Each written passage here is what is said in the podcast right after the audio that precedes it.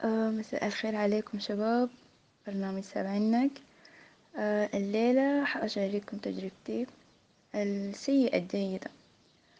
فهي يمكن حاجة سيئة حصلت معايا يعني. هي أكيد تجربة عاطفية يعني. إحنا شباب ناس العشرينات وكده حياتنا كلها كده مرتبطة بالحب والحاجات دي.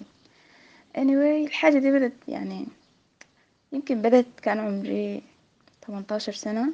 بس تأثيرها امتدى لغاية ما حاليا عمري اثنين وعشرين ثلاثة وعشرين سنة. فالحصل كالآتي طبعا دخلت الجامعة وكنت مندبعة كده وحياة الاختلاط والارتباط والحب والحاجات دي. فكان أصحابي كتار أصحابي كتار شديد حولي سواء كان بنات أولاد وشلاليات وحاجات زي دي. فاتعرفت على شخص وهو كان بالنسبة لي الحاجة البيرفكت يعني one يعني السول ميت حرفيا يعني لقيت شو أي حاجة أنا كنت بحلم بيها آه سواء كان أخلاق ذوق رجالة أي شي ف اندمجت شديد فبقيت يعني شنو كده حاكرة نفسي عليه. يعني ممكن تقولي إنه نسيت نسيت كل الناس اللي حولي. طبعا أول حاجة أول حاجة نسيتها أصحابي يعني. ف العلاقة استمرت زي سنتين تقريبا أو سنة وحاجة. خلال السنة وحاجة دي أنا حرفيا تواصلي انقطع تماما مع كل الناس اللي حولي يعني ما فضل لي إلا الأصحاب القريبين شديد يعني شلتي جوا جوا شديد. ف ما بعرف فجأة كده يعني حصل الاكتفاء أو الزهد أو الحاجة اللي بتحصل بتنهي علاقات الناس أيا كانت. فصلت. أم فعلا يعني زي كنت زي كنت منومة مغناطيسيا فجأة كده فتحته ده ده؟ أنا منو قاعدة وين؟ وده شنو؟ ده شنو؟ أنا ليه قاعدة براي؟ وين أصحابي؟ أنا وديتهم وين؟ لقيت إنه أي زول مشى لحاله يعني ما فضل جنبي زول يعني حرفيا فقدت أصحابي كلهم.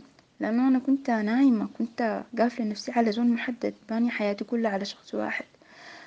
سند كان بالنسبة لي فلما مشى بقيت هاوية لقيت وراي هوا شديد وقعدت وتكسرت حرفيا اتدشدشت يعني ما فضل فيني جزء سليم.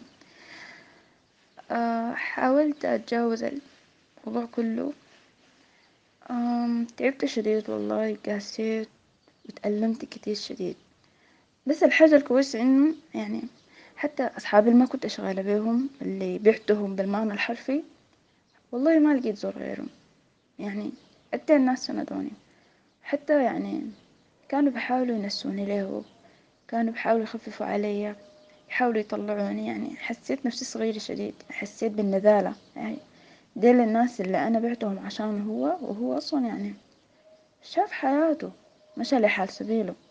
وأنا كنت رابطة حياتي بيه يعني قافلة عليه ستة صفر زي ما يقولوا. في الآخر هو مشى زيه زي أي شنو. غيمة واتبددت لقيت أصحابي. فبقول لكم إنه يعني أوكي زول يحب ويربط وكده يعني.